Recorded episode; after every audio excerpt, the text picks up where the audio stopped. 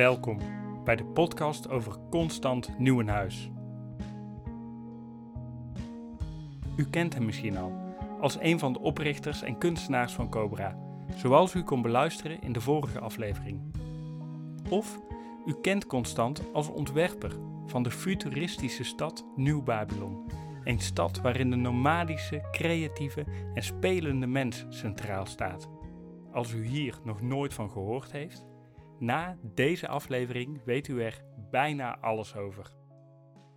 In aflevering 1 maakten we kennis met Constant, met zijn eigen gereide persoonlijkheid en hoe hij hier uiting aan gaf in zijn werk. We eindigden met curator Ludo van Halem, die vertelde hoe Constant in de jaren 50 een transitieperiode doormaakte. Hij gaat onder andere driedimensionale werken maken. Langzaam resulteerde dit in een nieuwe visie. Nieuw Babylon. De stad van de toekomst. Geïnspireerd op het nomadische bestaan integreerde hij elementen van de Roma-cultuur en nomadische levensstijl in zijn visie op een toekomstige stad. Hoe deze stad eruit ziet en wat voor betekenis Constant hieraan gaf, dat onderzoeken we in deze aflevering. Dat doen we met Floris Alkemade, architect en voormalig rijksbouwmeester. Ook komen opnieuw aan het woord Laura Stams, curator bij Kunstmuseum Den Haag, kunsthistoricus Willemijn Stokvis, vriend en kunstenaar Ronald Tolman en Ludo van Halem, curator bij het Rijksmuseum.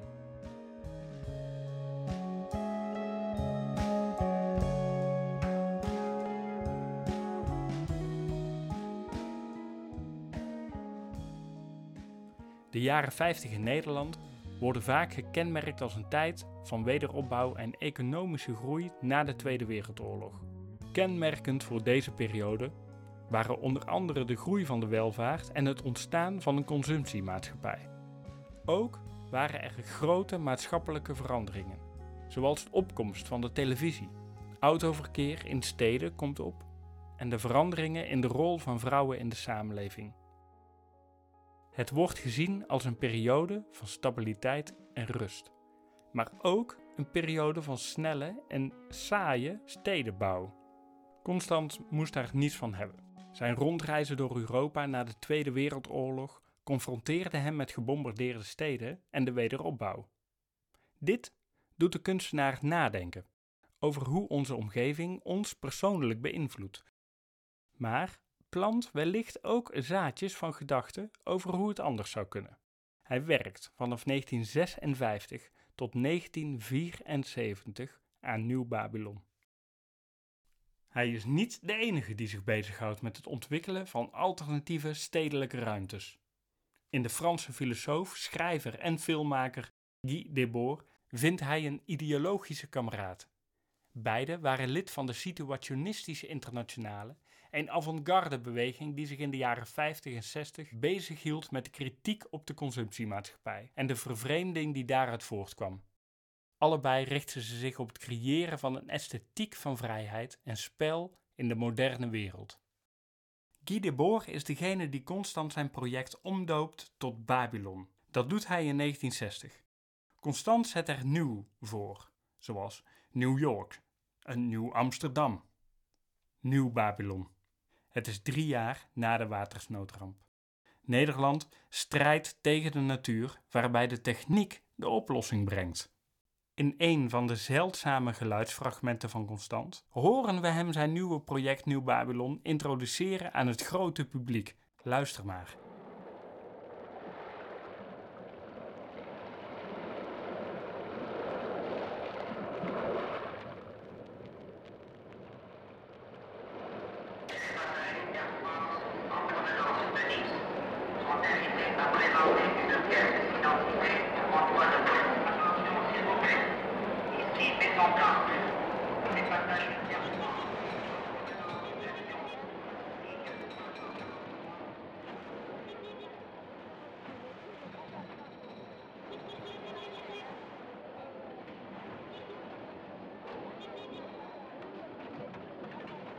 Volgens de legende heeft een spraakverwarring een einde aan deze stad gemaakt. Toen de mensen het zo hoog zochten dat ze bij God konden komen.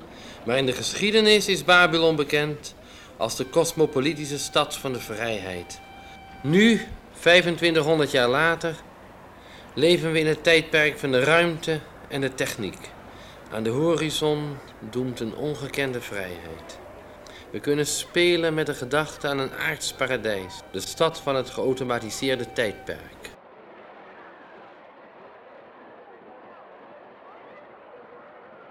Bid en werkt. Constant had daar niet zoveel mee op.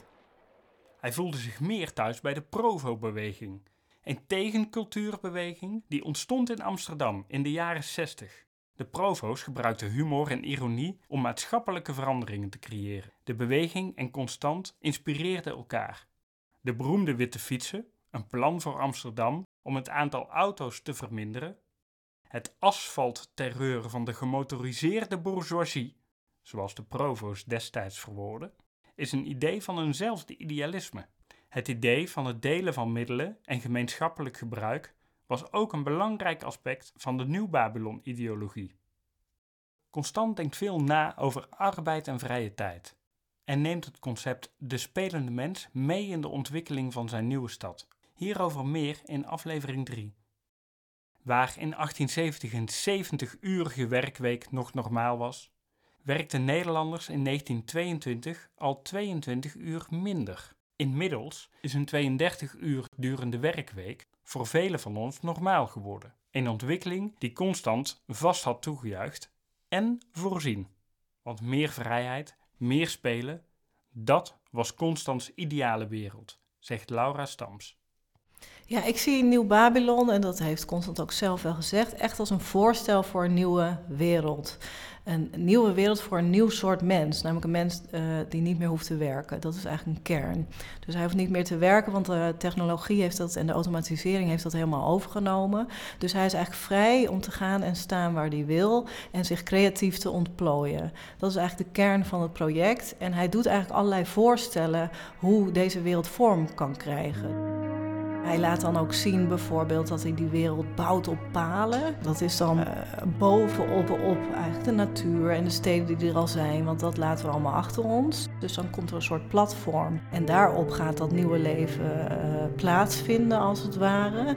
En dat is helemaal geklimatiseerd. Nacht en dag uh, kan je zelf instellen.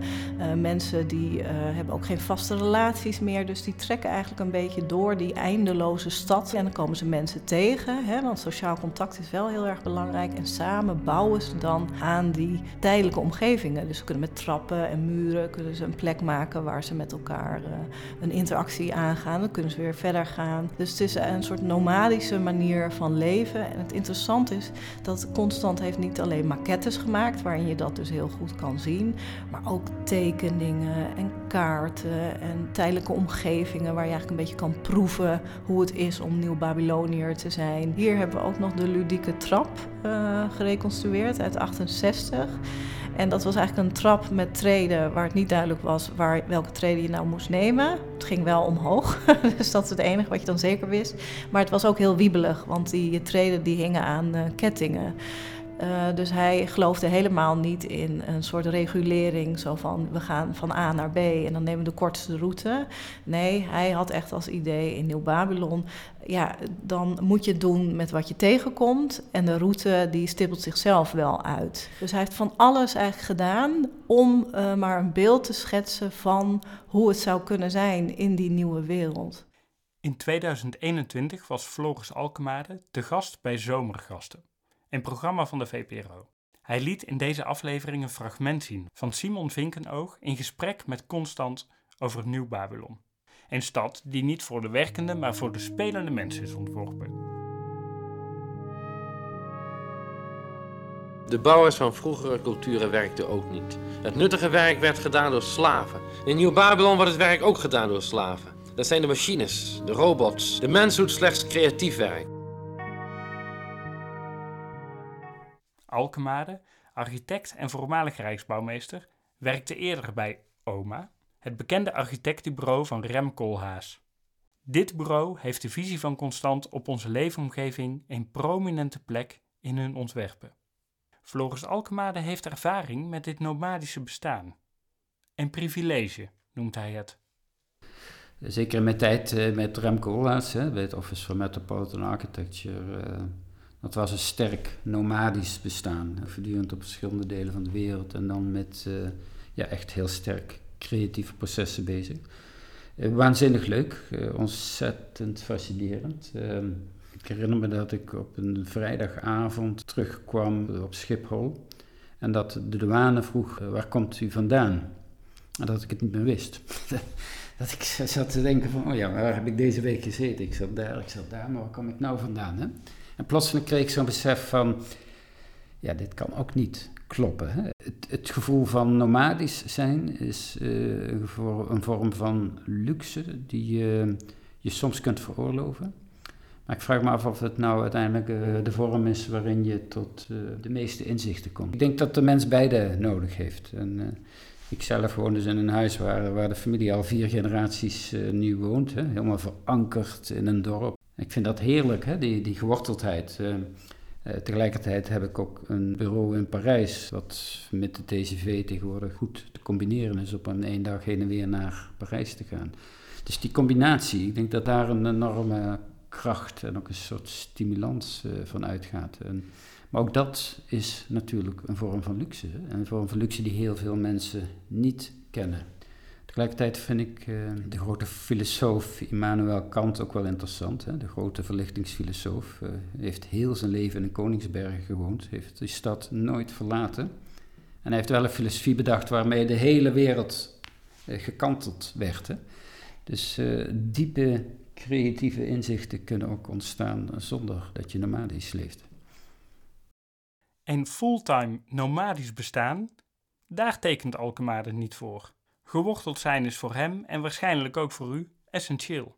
Toch opent een nomadisch bestaan zoals Constant het voorstelt ook vensters naar nieuwe werelden die anders gesloten blijven. Nou, ik denk wat belangrijk is, continu ontmoeten van andere mensen, van nieuwe mensen, van andere culturen, van een andere context, is dat het um, je minder blind maakt. Ik denk dat we allemaal vanuit een eigen perspectief naar de wereld kijken, vooral onszelf zien en veel minder een objectief beeld van de wereld hebben dan dat we vaak denken. En het combineren van inzichten vanuit andere disciplines, vanuit een andere cultuur, vanuit een hele andere invalshoek, heft een deel van die blindheid op. Ik geloof dat we op een gegeven moment iets van 36 verschillende nationaliteiten op het bureau hadden. De gemiddelde leeftijd van het bureau lag onder de 30 op dat moment. Maar waanzinnig interessant. Dus we zagen ook dat we dat ook gebruikten om projecten af en toe weer een soort stimulans te geven. Hè? Dus dit project, er hoort echt een Belg bij. Hè? Of ja, een sterk Aziatisch team, maar laten we er ook een Amerikaan bij zetten. Dus dat je op een of andere manier een soort melange probeerde te maken van inzichten, van culturen, van mogelijkheden om dat wat iedereen vanzelfsprekend vindt uh, op een goede manier te doorbreken. Dus dat is dan een, een bijeffect van, uh, van zo'n nomadische situatie. Hoe zou u het vinden? Een leven in Nieuw Babylon. Zonder eigen huis, zonder vaste baan, maar vol vrijheid, nieuwe contacten, nieuwe vergezichten die je continu zelf kunt vormgeven? Nieuw Babylon is een labyrint met ontelbare kamers, zalen, gangen, waarin men dagen, weken lang dwalen kan, waarin men ook overal woonelementen aantreft waarin men zich terug kan trekken. Constant gaf zelf ook toe dat hij geen goed nieuw Babyloniër was. Hij wilde elke dag schilderen en kon er eigenlijk niet goed tegen lang weg te zijn uit zijn atelier.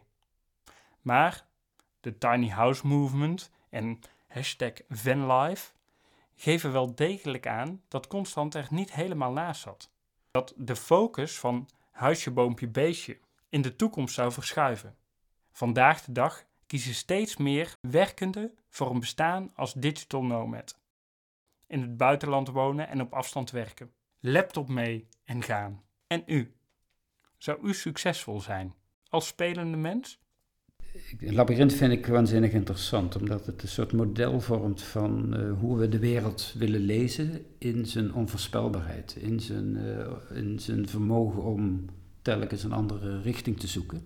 En in die zin is een labyrint ook een, uh, een soort deel wat je van de wereld afscheidt om, om juist het, die onzekerheden te, te etaleren, maar ook er plezier aan te beleven. En ik denk dat dat ook is wat zo'n zo'n cultuur van, van vele mensen uit verschillende landen bij elkaar, maar uh, samen bezig met een creatief proces. Uh, het is een van de leukste en stimulerendste omgevingen die ik ooit heb meegemaakt. Dus ik denk dat dat, um, dat ook wel de kracht is van, van wat, wat Constant zocht in zijn Nieuw Babylon-projecten.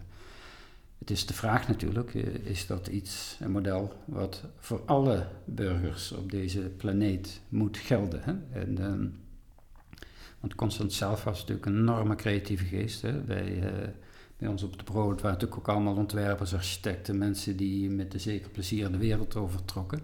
Dus dat is wel een hele selecte groep van mensen die je bij elkaar hebt. En, uh, er zijn ook ontzettend veel mensen die in zo'n omgeving doodongelukkig zouden worden. De, al die, die, die wisselende contacten, al die onzekerheid, alle talen die er gesproken wordt. Hè. Dus letterlijk een, een Babylonische spraakverwarring. En het, het, idee dat je geen, geen vastigheid hebt, maakt mensen ook vaak uh, bloednerveus. Hè. Dus het is ook zeker niet voor iedereen weggelegd. Stichting Constant houdt het werk van de inmiddels overleden kunstenaar Constant Nieuwenhuis in leven. We vertellen u er alles over in aflevering 4. In het virtual reality project Enter Nieuw Babylon, dat de stichting initieerde en dat in Utrecht en Amsterdam te bezoeken was, kon u ervaren hoe het leven zou kunnen zijn in deze nieuwe stad. Er waren vier futuristische ervaringen te bezoeken. Met een VR-bril kon u rondlopen en reflecteren op Constans Nieuw Babylon. Een dystopische kermis. Wow, wat zijn hier een boel hologrammen te zien. Superleuk. Ga maar even rondkijken. Vergeet niet om te lachen. Wilt u een bitcoin geven? Al alstublieft. Een halve bitcoin dan? Een bootje waarmee je je door een waterlandschap begeeft met onder de oppervlakte de grote gele sector.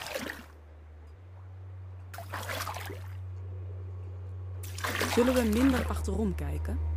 Of juist nu? Of zal het altijd hetzelfde Alleen maar achterom kijken en naar morgen hangen?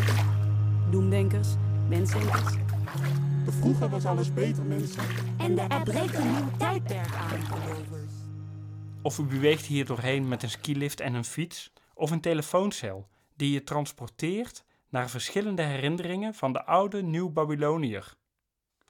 Kunsthistoricus Willemijn Stokvis probeerde het uit.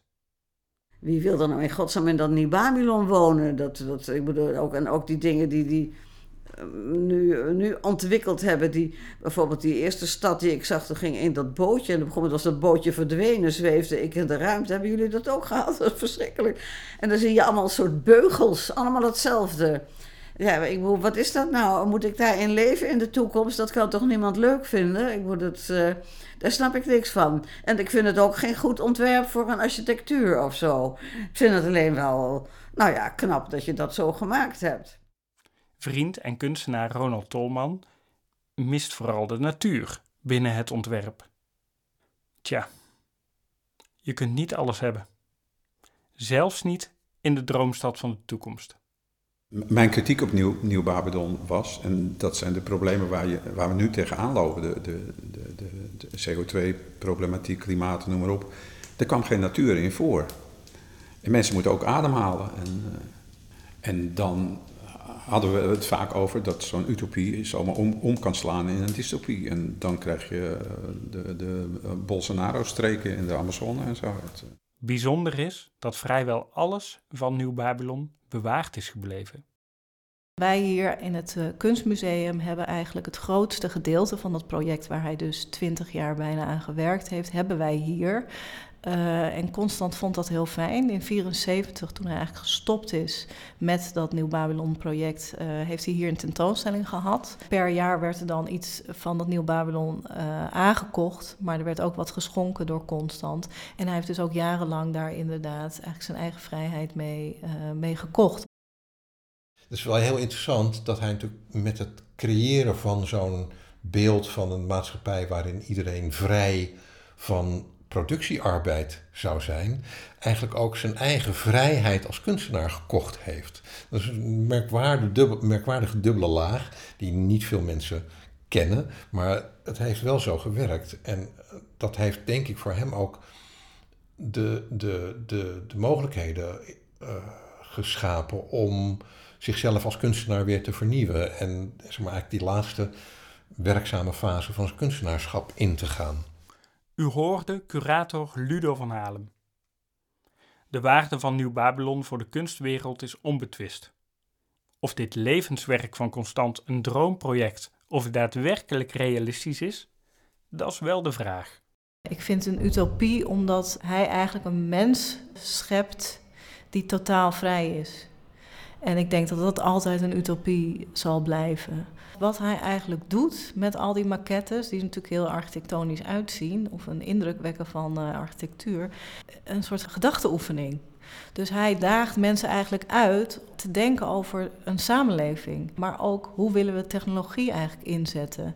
Al dat soort vragen stelt hij ons. En hij zegt ook uiteindelijk: Nieuw Babylon is voor mij een oefening en een uitdaging. Het is eigenlijk een provocatie uh, aan, aan mensen. En dat kan je dus in elke tijd kan je die ook op een andere manier uh, begrijpen. Dus de vorm staat voor hem ook niet vast. Hij weet ook dat hij niet in de toekomst kan kijken. Dus hij weet ook dat uh, bepaalde technologie een eigen weg zal gaan die hij nog niet kan voorspellen en dus ook niet kan verwerken in, zijn, in die maquettes of in die tekeningen.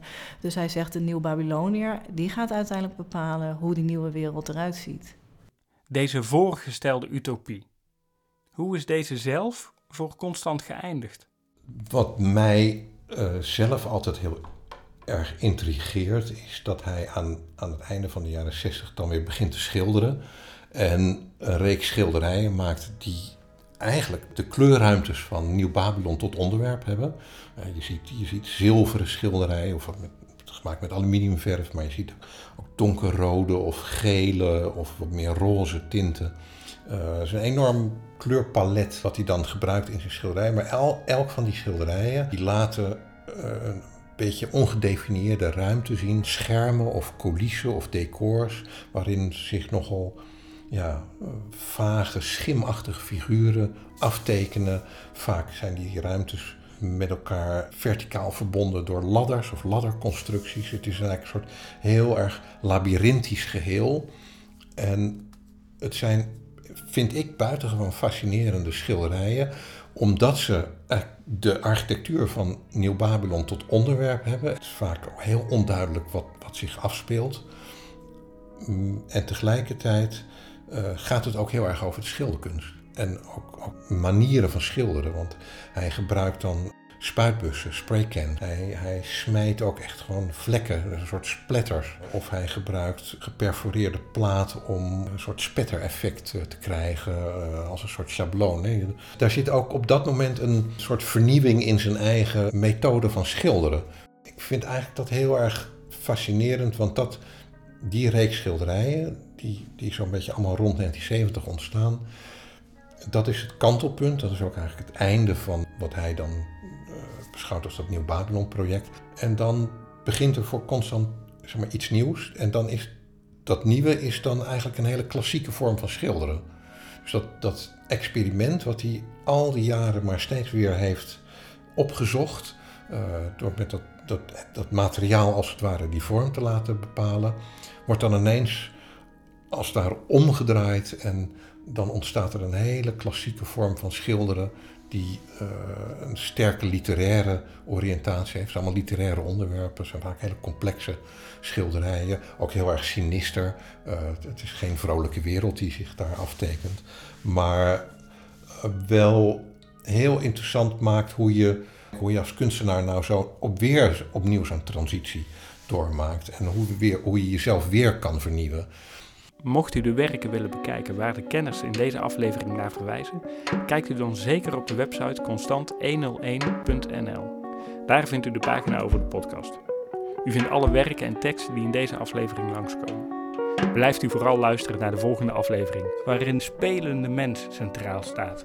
Terwijl constant het in zich had om een stap verder te denken. Zo van, nou, prima toch. Hè? Van, eh, ik wil niks doen wat een machine kan, hè? maar wat doe ik dan wel? Hè? En dat is natuurlijk waar ook uh, zijn, zijn gedachtegoed aan dat van, van Johan Huizinga gekoppeld is, de spelende mens. En toen kreeg ik het verjaardagscadeau van Constant. En dat was een oude Volkswagenbus die voor de deur stond. En daar stapte een stel uh, Roemeense zigeuners uit. Nou, die hebben hier ongeveer de dakpan van mijn atelier afgespeeld. We treffen u graag weer.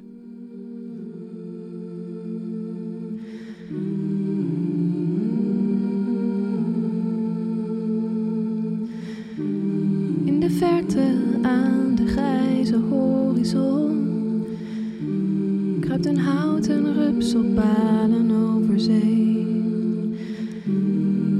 Best nog een heel eind zwemmen vanaf hier. En ik weet niet of het ons gewicht wel houdt.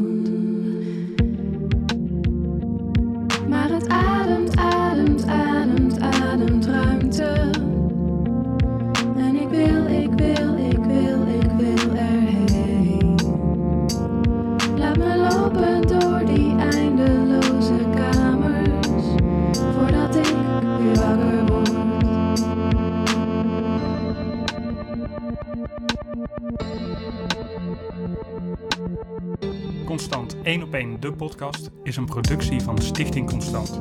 Deze was nooit tot stand gekomen zonder de tomeloze inzet van Ans Boersma, die onderzoek deed en de interviews afnam, Thijs van Elten, die de regie verzorgde, de montage en tot u sprak middels deze voice-over. Ook Ed Spil was editor. Kim van der Horst verzorgde de redactie en, samen met Mia Lodder, de factcheck. Het sounddesign is van Freek Dijkstra. Hij speelde deze in met zijn band Neef en gastmuzikanten Madelief Lammers, Thomas Gomez, Mozes Schrijvers en Peer. Aafke Romein zijn we eeuwig dankbaar voor haar prachtige soundtrack die elke aflevering afsluit. Daarbij willen we de volgende fondsen bedanken voor hun bijdrage.